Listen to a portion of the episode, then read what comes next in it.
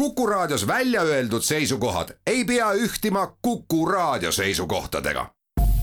Te kuulate Kuku Raadiot. olukorrast ajakirjanduses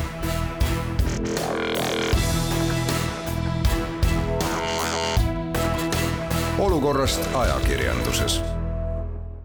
on kahekümne kaheksas veebruar, aasta on kaks tuhat kakskümmend kaks, Kuku raadio stuudios on Rein Lang ja Väino Koorberg ja ma mäletan, et kui me lõpetasime nädal tagasi oma saadet, siis laulma jäi,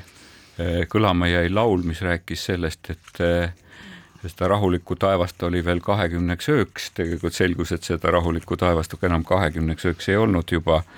juba paar päeva hiljem läks sõda lahti kui me oleksime Venemaal ja kui me oleksime Venemaa eetris, siis me peaksime kindlasti kohaliku Roskomnadzori ehk siis äh, meedia järelevalveorgani soovitusel vältima sõnu kallaletung, sissetung ja sõda, aga kuna me ei ole selles äh, kuidas me ei ole nende haarde ulatuses, siis me või, võime neid sõnu vist julgesti kasutada või kuidas? ja täna meie võime ütleme, et see nädal on toonud kaasa ka terves Lääne-Euroopas suhtumise kardinaalse muutumise. kas see nüüd on see, see silmade avanemine või kuidas me võisime nii lühinägelikud olla? tahame, aga, aga igal juhul paljudest asjadest on aru saadud ja on ka nüüd aru saadud sellest, et et sõnavabadusel ja sellel Vene propagandal ei ole omavahel mitte mingisugust seost. Euroopa Liit on otsustanud ka sanktsioneerida Vene massiteabevahendeid, mis on ennast endiselt kangelaslikult ajakirjanduseks nimetanud. et Eestis peab veel vastu Rootsi kuninglik Telia, kes siis kangelaslikult kaitseb nii-öelda siis Vene meediakanaleid levitamaks sõjapropagandat ja kõikvõimalikku valet. kas me võib-olla paari sõnaga sellest räägime, sellepärast et me noh, see vaidlus selle üle, et kas Vene kanaleid eetrist ära koristada või mitte, et no see venis ja venis ja venis ja ma olen jätkuvalt seisukohal, et, et noh, see võib olla küll natukene aidata, aga see ei ole probleemi absoluutne lahendus, sest et, et suur probleem on selles, et need kanalid on Venemaa, Venemaal on eetris, eks ju, täie, täie jõuga ja vastupidi, et Venemaa publiku eest peidetakse ära neid kanaleid, aeglustatakse nende kanalite tööd või ka tõkestatakse nende kanalite tööd, kus nagu tegelikult seda õiget informatsiooni pärit vaadata saaks. no see võib olla nüüd Eestil väga keeruline, et tõkestada Vene telekanalite mõju Venemaal. kas me ei saa kuidagi Elon Musk'i moodi neile kiirata midagi? see Teil on, Musk otsustas, et ta kiirgab seitse, internetti Ukraina poole. seitse saadet, eks ole, sellest aga see, et nende Vene telekanalitega midagi ette tuleb võtta, see oli nüüd juba mõnda aega selge, sellepärast et ega siis äh, mõtlevad inimesed said aru, et miskit on tulemas, et, et see miski nüüd vallandus sellises vormis nagu kahekümne neljanda hommikul. see tuli muide ka väga paljudele arvestatavatele analüütikutele üllatusena, et äh, väga paljud inimesed, kellega mina olen lävinud siin aastaid on, on ennustanud tegelikult sellist Vene ekspansiooni ikkagi pehmes vormis kuni siis selliste jäikade ülevõtmisvõteteni kuskil siis, kui lääs on piisavalt pehmeks taotud. Rein, minu arvates ilmselt... nagu, kui, kui me, kui me hakkame vaatama kogu seda reaktsiooni kahekümne neljanda veebruari hommikuni ja sellest, et millest, millest hakkas nagu kogu progressiivne lääne ühiskond välja astuma, milliseid sidemeid hakkas progressiivne lääne üldsus katkestama ja millistest organisatsiooni, milliste organisatsioonide juhtorganitest hakkasid kõrged lääne poliitikud, eks ju, välja astuma ekspeaministritest ja, ja, ja ase, asepeaministritest alates, eks ju, siis, siis, siis tegelikult no me oleme ikkagi olnud ma ei tea, mille, kas me oleme pika rubla kütkes või? no ei tea, ütleme, et Gerhard Schröder ei ole veel kuskilt välja astunud, eks seda, ole. seda veel, seda, seda veel tahaks nagu oodata, aga, aga no, no selgub küll, et tõepoolest, et noh, viimaseks piisaks, eks ju, sellest tuumaheidutusesse võis tõesti saada rahvusvahelise judo föderatsiooni otsus, eks ju, oma aupresident, oma aupresidendi volitused peatada, aga, aga noh, me vaatame kogu spordimaailm, eks ju, niimoodi, kultuurimaailm, kõik on lasknud ennast siduda. maailma ühel kõige tunnustatumal dirigendil Gergijevil ei lubatud äh, dirigeerida Carnegie Hallis New Yorgis, nii et noh, no, see on nüüd see punkt, kuhu välja on jõutud. esinemised Metropolitan ooperas ei ole veel päris kindlad, aga aga üritame püsida nüüd nagu sel ratsionaalsel lainel, et mis siis nagu selle meediapildi, mis pilt meile täna avaneb, eks ole, no Peeter Tali minu meelest kordas sedasama mantrat, mida väga paljud on rääkinud siin, mina kaasa arvatud et nende Vene propagandakanalite puhul ei ole mingit pistmist ajakirjandusega ega ka sõnavabadusega, see on osa relvadest, mida Venemaa on kasutamas äh, oma oponentide vastu. no mõni näide sellest, et sellepärast, et ma just kirjutasin välja mõned pealkirjad, eks ju, mõned, mõned armsad pealkirjad sõjauudiste, sest sellel ajal, kui kogu maailm on juba, ma ei tea, neljas-viies päev räägib ainult sõjast, et, et USA või Venemaa uudisteportaalid on kirjutanud küllaltki avauudistena sellest, et arstid nimetasid viis põhjust, mis su tervisele on hea, kui sa loobud õlle joomisest ja siis Meghan Markle tuli õukonda kleidis ja, ja ehetes, mis on väärt kolmkümmend miljonit rubla. Moskvas talle lubati kevade alguses ka külma ilma ning äh, arstid äh, avastasid imelise põhjuse, kuidas meigivead võivad teil põhjustada kortse. ehk need on need uudised, mis siis lisanduvad sellele vihale natsidest eriti tore on minu meelest narra-, narratiiv. natsidest kubiseva äh, läänemaailma tema ja tema anglosaksi valitsejate vastu. ei, ma ütlen, et kõige vahvam narratiiv on kindlasti Ukraina juhtidest, kes on natsid. Et seal teatavasti nii president kui peaminister, mõlemad on juudi päritolu nii et juutidest SS-laste kuvand, see on juba noh, kõrgem pilotaaž. aga see on see, mida täna Vene inimesele pähe taotakse, nii et mõlemad juhud, nii SS-lased kui ka juudid on keskmisele venelasele väga hea selline koht, kus nad hakkavad nagu närviliseks minema. nii et need asjad veel kokku panna, no kas töötab või ei tööta, seda on meil siit tõenäoliselt keeruline hinnata, ma arvan, et ega eagrupile kaheksateist kuni kolmkümmend sellise propagandaga lähenemine võib-olla nüüd kõige suuremate ja positiivsemate tagajärgedega ei ole. aga lõviosa sellest tumedast massist, kes ammutab oma informatsiooni ainult televisioonist, no läheb teatava määrani peale küll. nüüd eh, see Lääne-Euroopa narratiiv on olnud kogu aeg, et ei, me ei sekku sellesse, las mölisevad, et ega meie inimesed on sellise asja vastu immuunsed. Ja Eesti poliitikud on samamoodi öelnud ju kogu aeg, et eh, see, see on teema, millega ei taha keegi tegeleda, sellepärast et eestlastele see asi ei mõju.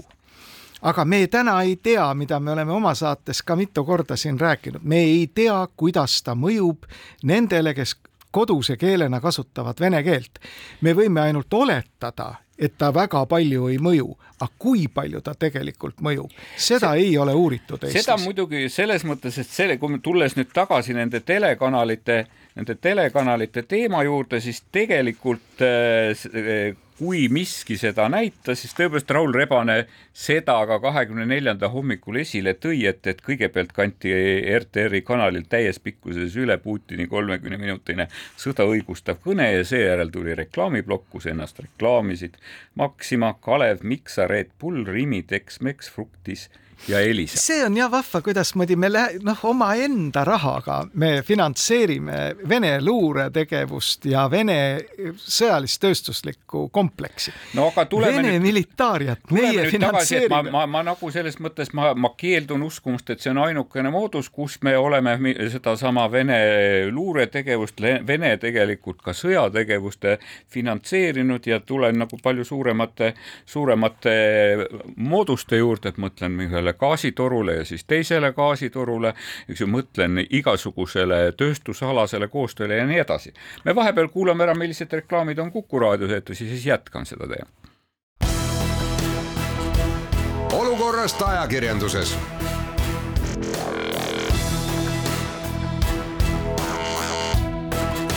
olukorrast ajakirjanduses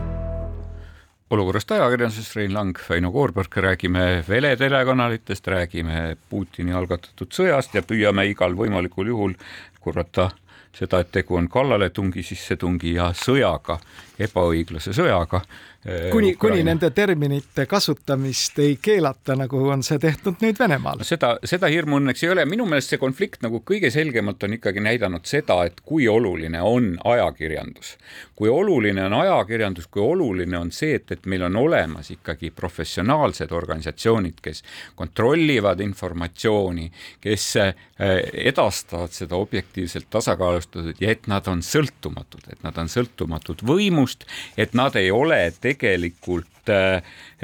kasutatavad inforelvana. Ja no muidugi siin on nüüd see küsimus, et kui me nüüd räägime uuesti Vene telekanalite sulgemisest, et siis kui, kui suurel osal Lasnamäe elanikest, eks ju, nende lemmikkanalite koha peal äh, haigutab tühjuse keset seda on kiri, et Tarbijakaitse Tehnilise Järelevalve Ameti ettekirjutuse alusel on see kanal kinni pandud. mis saab siis edasi, kas see tähendab seda, et need venelased väljuvad meie inforuumist, eks ju, sellepärast et kes tahab, see leiab sellesama Rossija kakskümmend neli üles küll Youtube'i kanalites või oma telekas olevas äpis, eks ju, aga aga et kas meil on midagi selle asemele pakkuda nüüd, et kuidas võita siis neid, eh, kuidas seda siis nimetada, viienda kolonni eh, meeli ja südameid. oota, oota, et ma toon nüüd kohe vile, sa ütlesid, et nüüd, et kui RTR on kinni pandud, et siis on suur oht, et need inimesed, kes seda vaatasid, väljuvad meie inforuumist. noh, Kotajärve palka on ikkagi olemas veel, eks ju. Kotajärve palka on olemas ja siis PBK tõesti mõnedes. see on jah, väga huvitav, ma enne juba ütlesin, et kangelaslikult jätkab võitlust lääne natsismi ja fašismiga siis Rootsi kuninglik Telia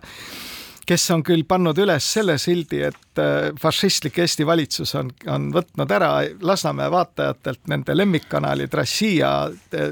kakskümmend neli ja ja NTV aga jätkab sinna ühe koha, koha peale on ilmunud nüüd see äh, RBK mis siis, kuhu on nüüd suunatud kogu see möla, eks ole, mis räägib siis vene rahva kangelaslikust võitlusest. ma just nagu tahtsingi selles mõttes öelda, et, et kui toimus nende kanalite kinnipanemise arutamine, siis tegelikult PBK eh, kanali nagu edastaja meeleheitlikult vaidles, vaidles eh, Tarbijakaitse Tehnilise Järelevalve eh, otsusele vastu ja, ja saatis ka palve, öeldes, et, et meie kanalid on juba pikemat aega täiesti apoliitilised ning ei edasta Venemaa uudiseid ega muid poliitilise sisuga saateid. et no võiks öelda, et RBK Venemaa nagu ärikanal, eks ju, noh, võiks ka olla, võiks olla nagu suhteliselt eemal, võib-olla kajastaks selgelt, selgelt British Petroleumi väljumist Gazpromi osanike seast või seda, mida, mis on juhtunud aktsiaturul Venemaa Rosnikli aktsiaga täna hommikul või, või kirjeldaks seda, et, et kui palju küsitakse valuutavahetuspunktis ühe dollari eest Moskvas, aga, aga me tegelikult nägime, et niipea kui nüüd äh, nemad alles jäid, niipea tegelikult väga selgelt muutus ka nende kanalite sisu ja olemus ja, tegelikult äh, ärikanal hakkas ühel hetkel ved äh, vedama sõjareportaaži ja sõjaväereportaaži täpselt samas võtmes, nagu me olime seda ja, tundnud nendest äh, teistest täpselt, edastades täiesti puhtalt Vene sõjapropagandat, muutudes tegelikult osaks sellest relvastusest, Vene relvastusest. Ja mis on nüüd siis see tänu Eesti Telekomile täielikult kättesaadav kõigile Eesti televaatajatele nii Lasnamäel kui ka Suure-Jaanis. ja see on pehmelt öeldes vapustav, minu jaoks üsna vapustav ja see näitabki tegelikult seda, eks ole, et kui haavatav Eesti ühiskond võib teatud küsimustes olla. ma ühinen sada protsenti Artemi Troitskiga, vene emigrandiga, kes praegu elab äh, Tallinnas kes ütleb, et eestlased peavad nüüd kohe tegelema selle viienda kolonniga, kes on juba positsioonid ju sisse võtnud selles Vene maailmavallutuslikus plaanis. seda on mõtestatult, sihipäraselt tehtud üle kümne aasta ja need positsioonid on väga kummalised, noh, ma siin räägime, eks ole, Rootsi kuninglikust Teliast, need on kuskil mujal telekomis, aga kui me vaatame ka näiteks ERR-i seda programmipoliitikat ja leiame sealt sellise vahva FSB poolt tellitud teleseriaali Nuuskija, siis minus tekitab see küsimusi, miks see seal parajasti nagu on. Nuuskija et... oli küll Ukraina. ja ta on Ukraina toode, aga vaatame, kes on tellija. no me võime Nii küll et... muidugi, me teame, et, et ERR-i programmis on olnud ka neid öiseid pääsukesi ja, ja tegelikult ka Vene, Vene omaksed sõjaväeluure ja, ja, ja ajaloo ja vääri, väärikaid tegusid kajastavaid seriaale. aga vaata see siin, Veino, oot, luba, ma ühe mõtte ütlen siia nagu juurde, et nüüd see teatavas määras, ma ei ütleks, et Eestis oleks mingit paanikat või mingit hirmu. no eks mingeid elemente sellest on loomulikult olemas aga üks reaktsioon pani mind nagu väga mõtlema, ütles, et jah, et me peame jälle, see on iga kord, kui on olnud Venemaaga mingi kriis, olgu see Krimmi vallutamine, olgu see sõja alustamine Donbassis,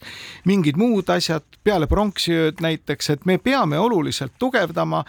siis äh, Eesti venekeelse elanikkonna varustamist õige informatsiooniga. Ja iga kord on see lõppenud sellega, et on kallatud sellesse tegevusse raha no,. ja nüüd ma kuulen jälle sama juttu. seda jah, seda raha vist on ka sedapuhku, sedapuhku kallame ERR-i raha, eks ole, ja küll nad selle asja ära lahendavad. tuli, vahepeal tuli ka uudis selle kohta, et valitsus toetab, toetab, toetab ERR-i vene ja ingliskeelseid toimetusi tänavu ühe koma neljakümne seitsme miljoni euroga järgmisel aastal kuni kahe miljoni euroga. just ja loodab, et ta suudab, et, et tuleb ka mingisugune meede selleks, et toetada ka erakanalite vene ja ingliskeelsete uudiste toetamist, aga minu nagu põhiline küsimus, võib-olla me nagu natukene telekanalite juures siis olemegi jõudnud selle ERR-i teema juurde, et et me küll hoolitseme venelaste infomenüü eest, kuidas on lugu selle eestlaste infomenüüga, sellepärast et kas sina me..., kas sina oled rahul sellega, Rein, et ma lihtsalt küsin, kahekümne neljandal äh, meil oli hommikul sõja äh, naaberriigi äh, president on sõja kuulutava kõne pidanud, eks ju, tegelikult. See oli see hetk, et kus inimeste infovajadus muutus hästi suureks kus inimesed tegelikult klammerdusid oma mobiiltelefonide ja portaalide külge eh, ja ootasid seda informatsiooni. Ja tegelikult mulle ikkagi tundus, et Isamaa pääsukesi vaadata Eesti Televisiooni eetrit sellel ajal, kui inimesed ootasid sealt tegelikult, et Rahvusringhääling võtaks kahekümne nelja tunnise uudistesükli üles, eks ju, ja kas ühendaks ühe kanali sellele, selle kajastamisele, mis toimub Ukrainas, mis toimub Venemaal eh, ja pakuks seda informatsiooni nii, nagu tegelikult tegid Postimees, Delfi, Õhtuleht, kõik hakkasid ju tegelikult eh, pakkuma seda informatsiooni. mingil määral võtsid selle televisiooni rolli üle, et, et kas me olemegi ikkagi selleks, et me treenime Rahvusringhäälingut selleks, et meil oleks pidulikud suure kraanaga tehtud ülekanded paraadidelt, Eesti Laulult, eks ju. noh, ütleme niimoodi, et see Eesti Laulu treening ei ole läinud ka päris asjata, et, et kui Vabaduse väljakul koguneb kolmkümmend tuhat inimest Ukraina toetuseks meelt avaldama, siis tegelikult oskab kraanajuht selle kaamerakraanaga sõita küll, eks ju. aga kas me ei ole nagu treeninud ennast selleks, et kui midagi peaks juhtuma, kui see infovajadus tekib, et, et just Rahvusringhääling oleks see, kes lülituks uudisrežiimile, kes tegelikult pakuks meile noh, lõpmatut pidevat uudisvoogu. aga et... ega, ega kuule, me, see jutt ei ole ju midagi uut, eks ole, et selle koroonakriisi käigus me oleme sinuga koos kritiseerinud ERR-i korduvalt, öeldes, et kus nad olid, et toetada näiteks õpilaste kaugõpet, kus nad olid, et anda õiget sellist igapäevast vajalikku informatsiooni, selle asemel, et siis trans- või transleerida neid koroonakriisi alguses neid jaburaid pressikonverentse. Et see juhtimiskriis, millele me oleme ju korduvalt tähelepanu juhtinud, on seal endiselt edasi. juhtimiskriisi juures teevad väga paljud inimesed seda, mis neile täpselt ametijuhendis on ette nähtud ja mitte kübetki rohkem. ja sellises olukorras võtab süsteemi käivitumine väga kaua aega, nii et mul ei ole täna Rahvusringhäälingule eriti midagi ette heita, kui me vaatame tema viimase paari päeva tegevust, siis see on olnud üsna laupäevast, laupäevast on olukord kuidagi selgemalt käima läks see koleda kriginaga, oli kohe näha, et noh, see kõik võtab aega, et ja tänaseks midagi seal nagu töötab. Võrdleme näiteks siin Eesti Raadio kanaleid ja, ja Kuku raadiot, Kuku raadio on selgelt dünaamilisem, sellepärast et tema juhtimissüsteem on lihtsalt äärmiselt paindlik ja dünaamiline. ei no ma just mõtlesin, et kas, kas, kas see on see, et suur laev pöörab kiiremini et, või pöörab aeglasemalt, et, et kui ma nüüd nagu vaatasin seda, et, et kuidas seesama Vene telekanal Dost, sõltumatu või liberaalne telekanal, me jälle rõhutame, et, et me ei saa rääkida ka Venemaal tõepoolest absoluutselt vabast ajakirjandusest, kuid seal on ikkagi nagu niisugune, noh, ma tajusin selle kanali töös, ma nägin, et see kolm saatejuhti olid sisuliselt varahommikust kuni, kuni järgmise varahommikuni järjest otse-eetris ja kuidas nagu kogu programm kuidas kogu programm telekanalis, eks ju, muutus üheks ainsaks uudisvooks, et pidevalt inimestele pakkuda informatsiooni. siis ma mõtlen, et kas me ei peaks, et lisaks sellele, et me nagu eraldame vahendid venekeelsete uudiste töötajatele, kas me ei peaks tegelikult oma nagu kriisiks valmistumise või kriisiks valmistumise äh, projekti lülitama ka selle, et kuidas meie Rahvusringhääling, eks ju, saaks nagu õpp, korraldada õppused, kuidas ta välkkiirelt lülitub ümber nagu sellele uudisrežiimile, kui peaks juhtuma no, midagi. loomulikult, loomulikult see peaks olema, aga ma, ma kordaks seda oma mõtet, et täna kahe viimase päeva jooksul on tegelikult Rahvusringhääling käima läinud küll, et nad teevad, noh, arvestades nende käsutuses olevaid võimalusi ja ressursse, päris rahuldavat tööd nüüd, kui muidugi võrrelda seda, mida nemad teevad Üleisraadio poolt pakutavaga siis on see ikka endiselt öö ja päev no. mina väga ma soovitan Üleisraadiot vaadata. kui kõigil. ma võrdlen isegi seda tööd, mida tegid kolleegid Delfis või tegid kolleegid Postimehes eks ju, omaenda nagu portaalis, eks ju, alates no ta, alates, see ei ole ikkagi lineaartelevisioon. ei noh, see alates otsesaadetes, aga ma saan siiski aru, et, et olgem ausad, ega see, ega see uudis äh,, uudisprogramm kriisiolukorras natukene meenutab ka, natukene meenutab ka seda portaali uudis, uudiskajastust, et ta on küllaltki sarnane. sul on stuudios kõnelev pea, kes püüab, eks ju, leida eh, informatsiooni üksikuid otseühendusi, eks ju niimoodi, kes püüab eh, leida inimesi, kes tõlgendavad, seletavad, analüüsivad, eks ju, ka rahustavad et, et see on see hetk, et ei piisa sellest, et meil on, et me oleme jälle, et meil, et lisaks pühalikule kella üheksasele palvehetkele Aktuaalse Kaamera saatel, et meil on siis nüüd ka, ma ei tea, keskpäevane palvehetk, eks ju, mis kinnitab, et Eesti on olemas, vaid et mulle tundub, et ikkagi noh, moodsas infomaailmas on inimeste infovajadused ikka palju mitmekesisemad ja, ja ütleks ka nõudlikumad. ja aga tulles veel kord tagasi selle asja juurde, et ega saab nõuda ikkagi organisatsioonilt midagi, millegi tegemist, kui temal on olemas selleks ressursid.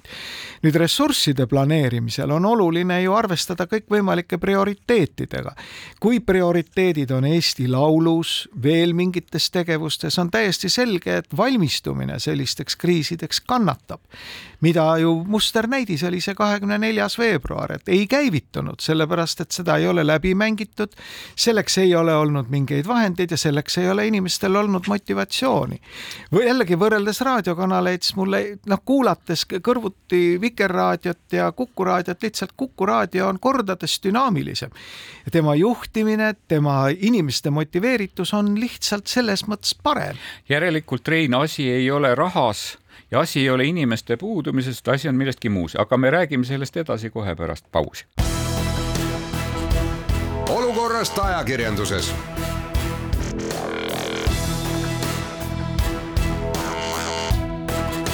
olukorrast ajakirjanduses olukorrast ajakirjanduses sellal, kui, kui Venemaa esipropagandiste kurdab, et teda tema villasse ei lasta. muideks, see jutt on Solovjovist et siin lihtsalt raadiokuulajatele kõigile teadmiseks on Eestis on kodanikuühiskond ja kodanikuühiskonna osaks on ka MTÜ Inimõiguste Instituut, kes siis läinud nädalal veel enne sõja algust esitas Eesti Vabariigi peaprokurörile kirjaliku korraliku avalduse kellegi Solovjovi vastutusele võtmiseks sõjapropaganda edastamise eest. Ja kuna need telekanalid, mis seda tegid, on Eestis kättesaadavad, siis kuritegu loetakse toime panduks selle riigi territooriumil, nii et mina väga loodan, et Eesti prokuratuur äh, suhtub asjasse täie tõsidusega, alustab kodanik Solovjovi vastu kriminaalmenetlust, soovib teda üle kuulata, esitades siis Venemaa peaprokurörile vastavalt meie vahel sõlmitud õigusabilepingule vastava palve ja ühtlasi siis palub lisada Solovjoviga viisakeeldude nimekirja ja annab välja siis Solovjov... Euroopa vahistamismääruse Sol. jah, Solovjov on juba äh, nende sanktsioonide alla ta koos Margarita Simonjaniga äh, minu meelest juba, juba määratletud, aga ja ta tunneb mina... tõsist muret, et ta ei pääse oma villasse Itaalias. no seda, seda küll, aga selles mõttes mina vaatasin huviga, sest ma vahepeal, vahel tahtsin natuke nagu uurida, et kuidas nagu tegelikult nagu rahvusvahelise õiguse mõttes äh, käsitletakse ajakirjanikke sõja ajal ja selles mõttes oli, oli päris huvitav, et ajakirjanikke üldjuhul kaitstakse nagu eraisikuid ja kodanikke isegi siis, isegi siis, kui nad näiteks on mingisuguse nii-öelda embedded ehk et mingisuguse väeosa koosseisu äh, arvatud ja liiguvad koos selle väeosaga, et eh, nad nad on kaitstud eraisikuna ja, ja ajakirjanikuna, kui nad peaksid vangi sattuma, siis lang-, laienevad neile sõjavangi õigused, aga aga seal oli väga huvitav oli küsimus, et kas propagandist ehk et kas ajakirjanik või ajakirjanikulaadne toode, toode, kes tegeleb propagandaga, et kas temale laieneb seesama ajakirjanike kaitse ja ja tegelikult selles mõttes oli, oli päris huvitav, et tegelikult loetakse ka seda propagandat nagu tsiviiltegevuseks. Et kuigi me kogu aeg räägime, et, et propagandamasinad on, on, on sõjamasinad, eks ju, siis seda loetakse teatud piirini tsiviiltegevuseks ja, ja, ja piir on selles siis tõepoolest, et, et kui, kui tehakse propagandat, mis äh, kutsub üles sõjakuritegudele, genotsiidiaktidele või, või vägivallaaktidele, siis see on keelatud, noh täpselt samamoodi ajakirjanik kaotab oma kaitse siis, kui ta relva kätte võtab ja noh, selles mõttes äh, näitena toodi ka see, et, et kui CNN-i ajakirjanikud liikusid väga tugevalt relvastatud turvameeskonna saatel, kes ühel hetkel sattus vastase tule alla ja avas vastutule et see tegelikult tekitas, tekitas juriidiliselt väga kaitsetu olukorra tegelikult selles osas, et et äh, mõnikord ajakirjaniku kollane ma ei tea, kollane vest, kuhu peale on kirjutatud press, tundub kaitsvat rohkem, aga me mitte sellest ei tahtnud rääkida, me, me natukene rääkisime sellest, et, et kuidas, kuidas väikese, väikesed laevad ka sõjaolukorras ja väiksed laevad ka kriisiolukorras kiiremini pööravad ja äh, Need ei ole Ukraina piirivalvurid, kes neid kusagile saadavad, vaid tavaliselt lugejad saadavad neile tänu selle eest, et nad rahuldavad paremini meie informatsioonilisi vajadusi. ja võrdlesime seda, et kuidas suur, suur laev ehk ERR ei suutnud kuidagi keskenduda ja ei suutnud ümber lülituda eh, Vabaduse väljaku paraadilt ja õhtuselt eh, Tühja Estonia teatri ülekandelt noh, niisugusele aktiivsele uudisvoole ja kuidas tegelikult nagu väiksemad, väiksemad uudisorganisatsioonid osutusid selles olukorras paindlikumaks ütlesid, me nõuame nagu treeningut. ja no minu meelest hea näide oli tõesti see Vene TV Dost, kes, kes kes vist oli ikkagi üks selliseid väheseid telekanaleid, kes ka pakkus inimestele kes seda informatsiooni loomulikult ka otsisid ja kes olid seda valmis vastu võtma. no ta on veel tänaseni eetris e,. et, et ta pakkus tõepoolest seda nonstop uudisprogrammi ja just nagu eriti kriitiliste aegadel, no ütleme kolmandal päeval juba nagu tulid tagasi ka tavalised saated sellesse programmi, kuid kuid, kuid esimesed kaks päeva ja New Yorkeris oli tegelikult väga vahva reportaaž, reportaaž siis selle telekanali esimesest uudispäevast, kus, kus tegelikult tegelikult sellised kolm saatejuhti nonstop, nonstop versioonis varahommikust kuni kella poole kolmeni öösel olid lihtsalt kogu aeg otse-eetris et selle kanali, minu meelest see oli väga niisugune ja see, ja see viis mind mõttele just, et, et kui me koristasime ära eetrist, kui me koristasime ära eetrist need äh, ütleme, vaenulikud Vene kanalid, et, et kas siis, kui me näiteks oleksime kusagile asemele leidnud pisikese niši telekanal Dostile, mis tegelikult on praegu tasulise noppekanalina mitmetes programmides, et kui me oleksime, kas see oleks olnud ka meie panus sellesse, et, et toetada Dosti, kes tegelikult on välisagendina praegu väga tugeva surve all ja kus on nagu no, kümnendik toimetusest alles jäänud, toetada teda selles, kas see oleks see meie panus Venemaa demokraatia arendamisse natuke? Või kas see ei tähenda seda, et, et see oleks nagu lõplik hoop Dostile, sest äkki siis, eks ju, see surve nendele eh, järgida valitsuse infopoliitikat eh, suureneb. no eks Tallinnast oleks kindlasti Telegram Vene miidi läinud kohe, kui oleks selle Dosti lülitanud näiteks selle RTR-i koha peale, mida oleks võinud minu hinnangul teha et tänaseks tõenäoliselt on juba hiljaks jäädud, eks sellele, ma kujutan ette, et sellel Toasti toimetusel on sisuliselt püstol meelekohas praegusel juhul, nii et kõike nad kindlasti rääkida ei saa. aga selles mõttes minule, et kui aga ta tegi ju esimestel päevadel uskumatult tublit tööd, ka mina jälgisin seda telekanalit, et noppekanalina on ta kättesaadav mm. täpselt samasuguses staatuses mm. on muide Üleisraadio TV1 et noppekanalina saab Eesti inimene ta kätte küll. meil Reinuga on lihtsalt erinevad kaabeltelevisiooni pakkujad, et minul on põhiprogrammis nii üle üks. Rootsi kuninglikust nii, nii üle üks kui üle kaks, eks ju, ja, ja, ja, ja terve hunnik kõikvõimalikke uudiskanaleid, aga, aga tõepoolest, et see, kuidas seda tööd seal tehti oli mul ja, ja see tõi mulle siis natukene meelde, et tõi mulle natukene meelde see Nõukogude televisiooni aja, et kuidas tuleb töötada Nõukogude televisiooni tingimuses. Ja mulle ikkagi tuli väga meelde, kui keegi mäletab, Nõukogude ajal oli Aktuaalse Kaamera uudislugeja, kui Alice Talvik oli Aktuaalse Kaamera uudislugeja ja, ja ühel hetkel tundus, et ta kõrvaldati eetrist sellepärast, et ta lihtsalt nii iroonilise näoga, sellise iroonilise naeratuse saatel luges ette ette ametlikke teadaandeid, et minu meelest sellise ekraani iroonia preemia oleksin ma tahtnud anda ka tegelikult selle telejaama saatejuhtidele, sest et nii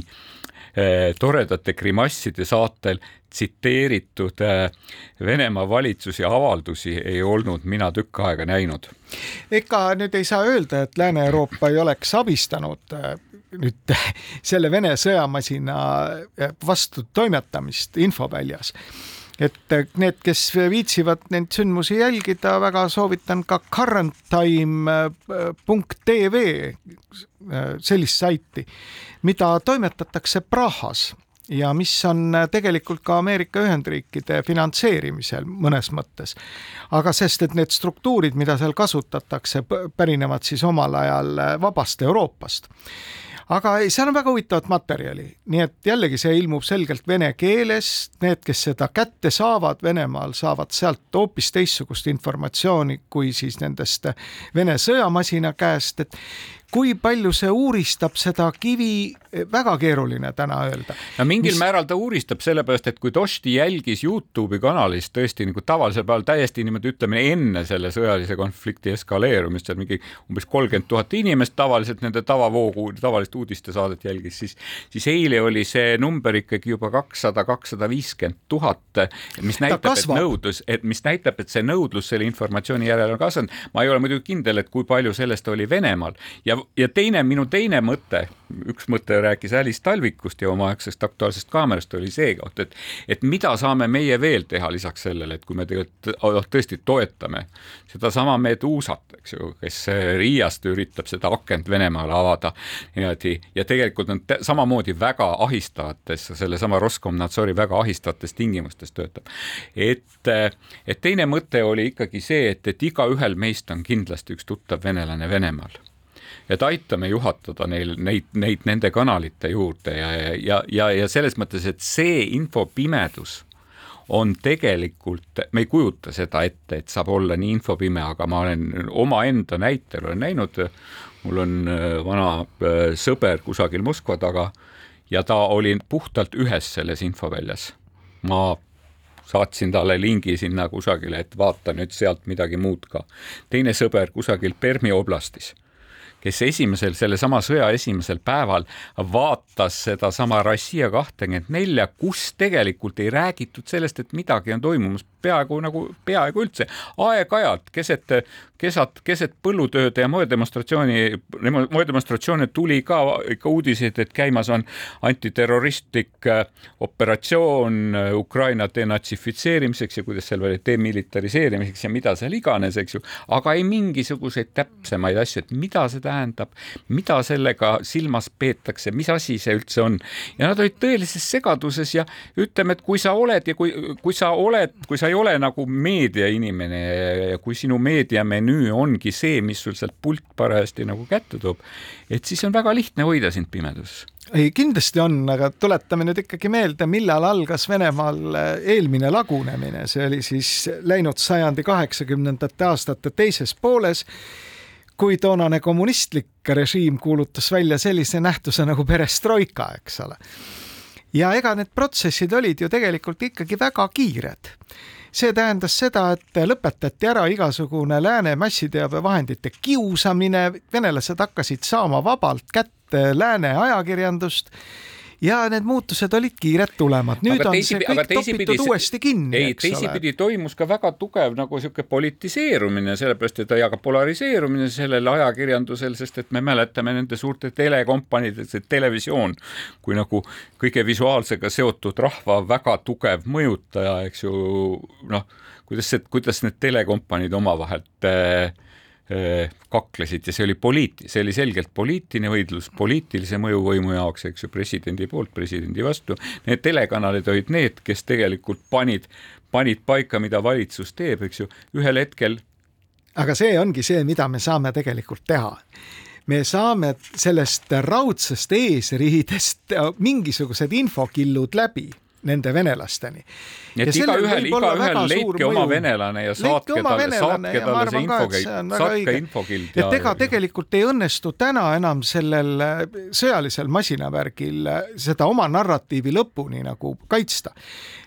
venelased on täna juba suurlinnades tänaval, neile antakse korralikult kere peale politsei poolt. tähendab, kui noor mees tuleb ikkagi õhtul koju ja tal on silm siniseks löödud politsei poolt, siis seda ei õnnestu enam perekonna käest varjata. täna on tähtis, et tegelikult venelased saaksid teada, et rindel hukkuvad nende kaasmaalased ja mida rohkem nad seda teada saavad, seda rohkem lähevad nad tänavale, nii kurb kui see aga ei ole, seda rohkem saavad nad peksa. aga see tähendab, et see sõda jõuab venemaalaste teadvusesse. olen pisut teisel arvamusel, aga räägin seda pärast reklaamipausi. olukorrast ajakirjanduses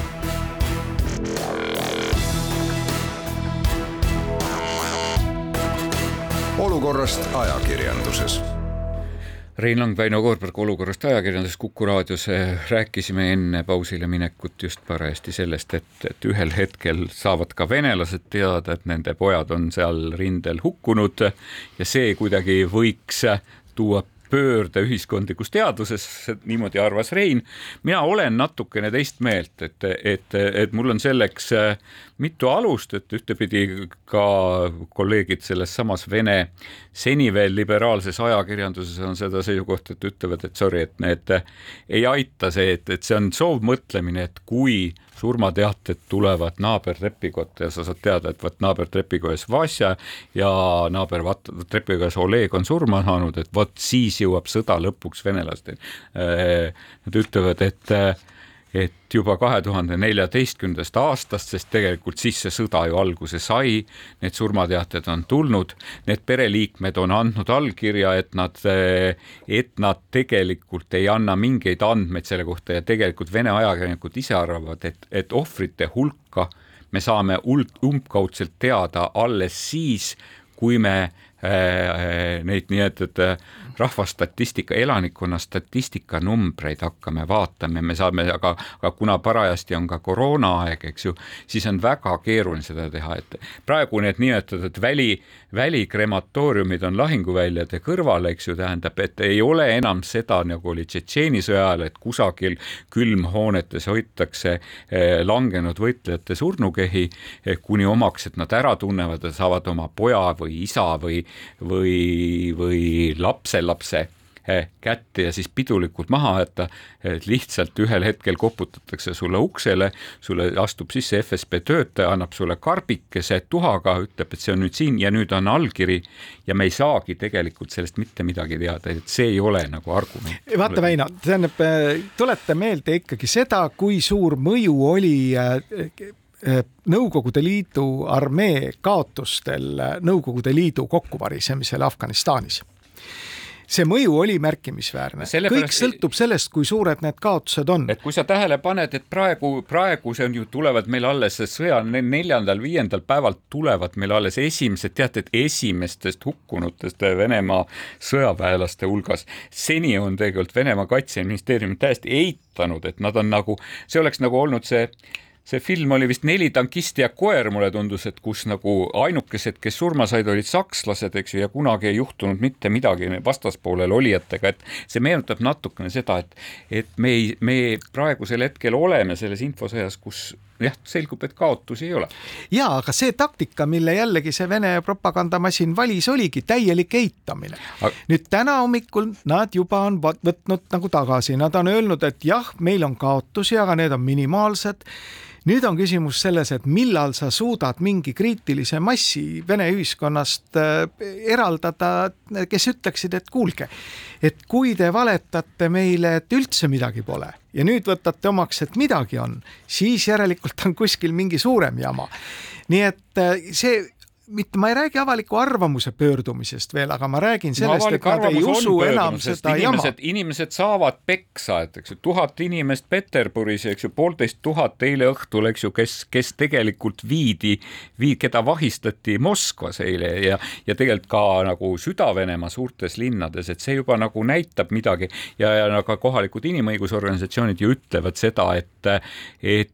pole olnud seda, et antakse peksa ja järgmisel päeval tullakse jälle aga praegu on see toimumas ka siiski Venemaal, mis annab natukene nüüd alates tänasest, mida jällegi mina väga palun, et kõik ajakirjanikud, kes vähegi on suutelised seda olukorda kajastama, seda teeksid tänane olukord on ju see, et venelased, kes on kuskil mingites Lääne-Euroopa või Lõuna-Euroopa kuurortites, ei saa ju enam koju. kuna Euroopa Liit on õhuruumi Vene lennukitele kinni pannud, tagasi ei saa. Ja mis veel väga drastiline nende perekondade jaoks, kes sinna lennuväljale kinni on jäänud, et ka nende maksekaardid ei tööta enam. sellepärast, et Venemaa on sellest SWIFT süsteemist äh, lahti haagitud. Ja seda tuleks igatepidi kajastada, see, milline on tegelikult see mõju nendele venelastele, kes on nautinud seda suurepärast elu mõnda aega, mida siis on taganud tegelikult selle Vene režiimi äh, õli ja, või nafta ja gaasi müümine, eks ole, ja sealtkaudu mingi rikkuse laialijagamine läbi siis Euroopaga äri tegemise. niipea kui see Euroopaga normaalsete ärisuhete tegemine on läbi, nii on ka nende olukord täiesti teistsugune. ja see on see, mida on ka Euroopa Liit, millise tee on ta valinud et siis mõjutada tegelikult Vene ühiskonda nüüd aru saama, et miskit on selles värgis mäda kuidas nüüd ma peab, mida peaks tegema, sest mul on tunne, et tuleks ette võtta demilitariseerimine ja denatsifitseerimine, deputiniseerimine Vene ühiskonnas, no iga kodanik saab tõesti sellest oma Vene sõbrale kõigepealt juhatades kätte mitmekesisema infomenüü, aga kas sellest üksi piisab, kas, kas sellest nagu aitab. et minu küsimus on veel see, et sina räägid, et ajakirjandus peaks käsitlema seda teemat, et, et kuidas turistid ei saa koju oma sarmel seikist või kust iganes. minul on, minul on järgmine küsimus seda, et kas see on nüüd Putini sõda, kas see on Venemaa sõda ja, ja, ja selles mõttes on väga huvitav ikkagi see arutelu, et ühtepidi see on väga valus arutelu, aga ilma selleta deputiniseerimist ette võtta ei saa. et kas eh, kui selgub et, et seitsekümmend viis protsenti inimestest toetab Putinit ja seitse, seitsekümmend viis protsenti just nagu väidab end olevat selle sõja vastu, et kas selle vastuolu lahendamiseks peaks vene rahvas ka endale kuidagi peeglisse vaatama. jälle, mul on selle suhtes ikkagi väga isiklik moment aga sellest ma jõuan arvatavasti rääkida alles meie tulevases saates. me tahtsime tegelikult rääkida ka natukene sellest, et kas meie enda ajakirjanikud äh, suudavad jääda piisavalt objektiiv, objektiivseks seda, seda teemat kajastades ja kas me ei lähe kaasa liigse niisuguse hurraaga ja võidurõõmuga, et kutsuks jahedamale peale aga eks sündmused arenevad. faktid et..., faktid, faktid kontrollitud faktid. ja meie oleme mõelnud, et mida siis lõpuks, lõpuks ei tahaks küll lugeda Dmitri Põkkovi luuletust Ussisaarest, mis oli hea kujund, kuid meie lõpulaul tuleb siis Ukraina armee talveretke rüklite nimelise kahekümne kaheksanda mehhaniseeritud brigaadi võitlejat Juri Korodetskilt ja see on Vennad ukrainlased. kohtumiseni nädala pärast. Любимої діти, мила мамо й тату, я й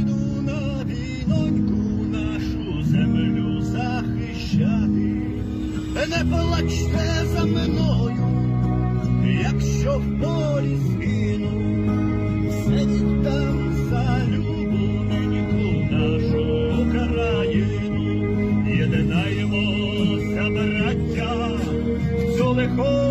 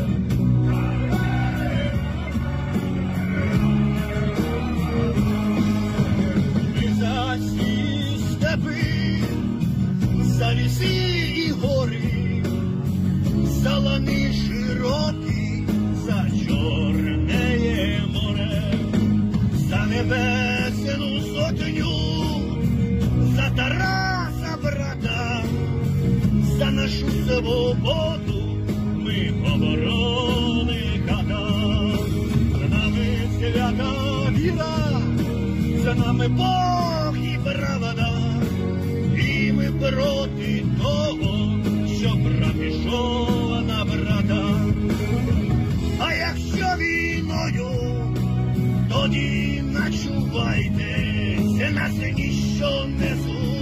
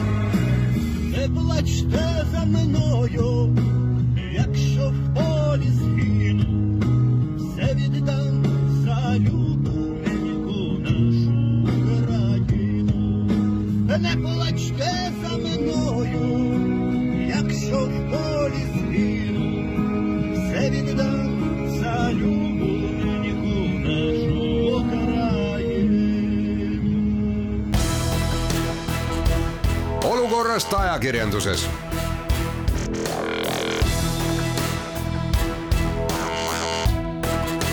olukorrast ajakirjanduses